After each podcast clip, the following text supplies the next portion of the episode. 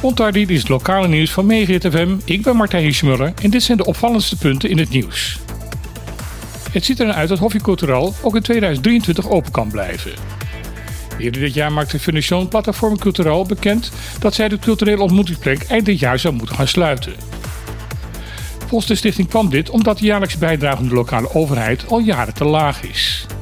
Daarom moest er elk jaar geld bij en de stichting gaf aan dat niet meer te kunnen opbrengen. Bij Hofje komen elke week meer dan 40 ouderen samen. Er wordt dan muziek gemaakt op originele Bonaireaanse instrumenten. Omdat daar meestal ook groepen jongeren bij aanwezig zijn, wordt op deze manier een belangrijk stuk van de Bonaireaanse cultuur doorgegeven aan een nieuwe generatie. Daarnaast is het centrum bekend als stimulator van de vele muurschilderingen die momenteel het straatbeeld op Bonaire verfraaien. De schilderingen kwamen tot stand in een samenwerking tussen bekende kunstenaars en Bonaireaanse jongeren.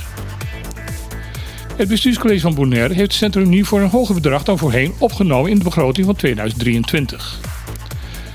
Wanneer de Eilandsraad en het ministerie van Koninkrijksrelaties deze begroting goedkeuren, kan Federation Platform Culturel haar activiteiten ook het komende jaar voortzetten. Er bestaat grote verwarring over de toekomst van touroperator Archie Tours.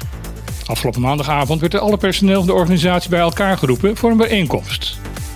Hier werd verteld dat met ingang van 1 januari 2023 Archie Tours een andere eigenaar zal gaan krijgen. De nieuwe eigenaar zou FWTT Travel Curaçao zijn. Dit bedrijf heeft sinds 2021 ook al Bonaire Travel in handen. Met de huidige overname zal FBTT de grootste speler worden op het gebied van toeristenvervoer in Bonaire. Het personeel van Archie Tours kreeg maandagavond te horen dat ook het nodige voor hen gaat veranderen. Zo zou ook het salaris omlaag gaan. Volgens bronnen die met het Antilliaans Dagblad hebben gesproken van 14 dollar naar 12 dollar per uur. Er gaat ook weer grotere bussen gereden worden, waardoor er minder personeel nodig is. Volgens de genoemde bronnen werd er op de bijeenkomst door de vertegenwoordigers van NPT een soort slikken- of stickersfeer neergezet.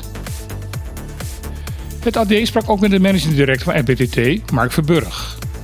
Hij beweert tegenover de krant dat de overname nog helemaal niet zeker is. Op de vraag waarom er dan met het personeel van Archie Tours over een overname is gesproken door twee medewerkers van Human Resource van FPTT, heeft Verburg geen antwoord.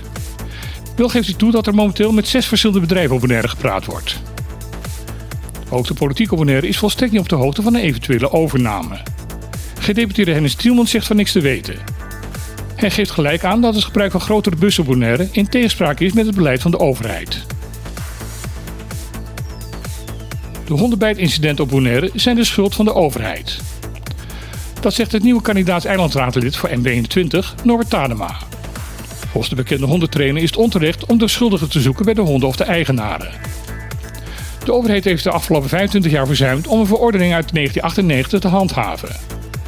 Hierin staat dat het verboden is voor houders van honden deze zonder toezicht te laten op een openbare weg of een voor ieder toegankelijk terrein.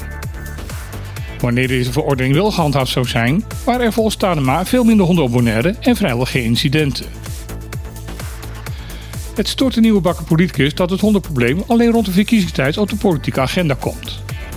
Hij wijst erop dat er al jaren een nieuwe dierenverordening klaar ligt, die zelfs al door de eilandraad is aangenomen.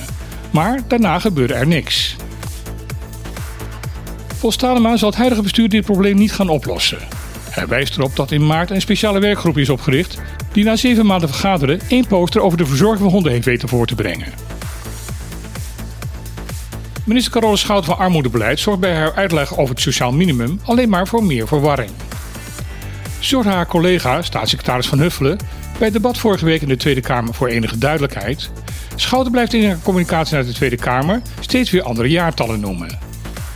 In het debat diende Jorien Wuiten van D66 een motie in om de invoering van het sociaal minimum in de BES niet uit te stellen tot ergens in 2025 of later, maar dit te laten ingaan op 1 januari 2024.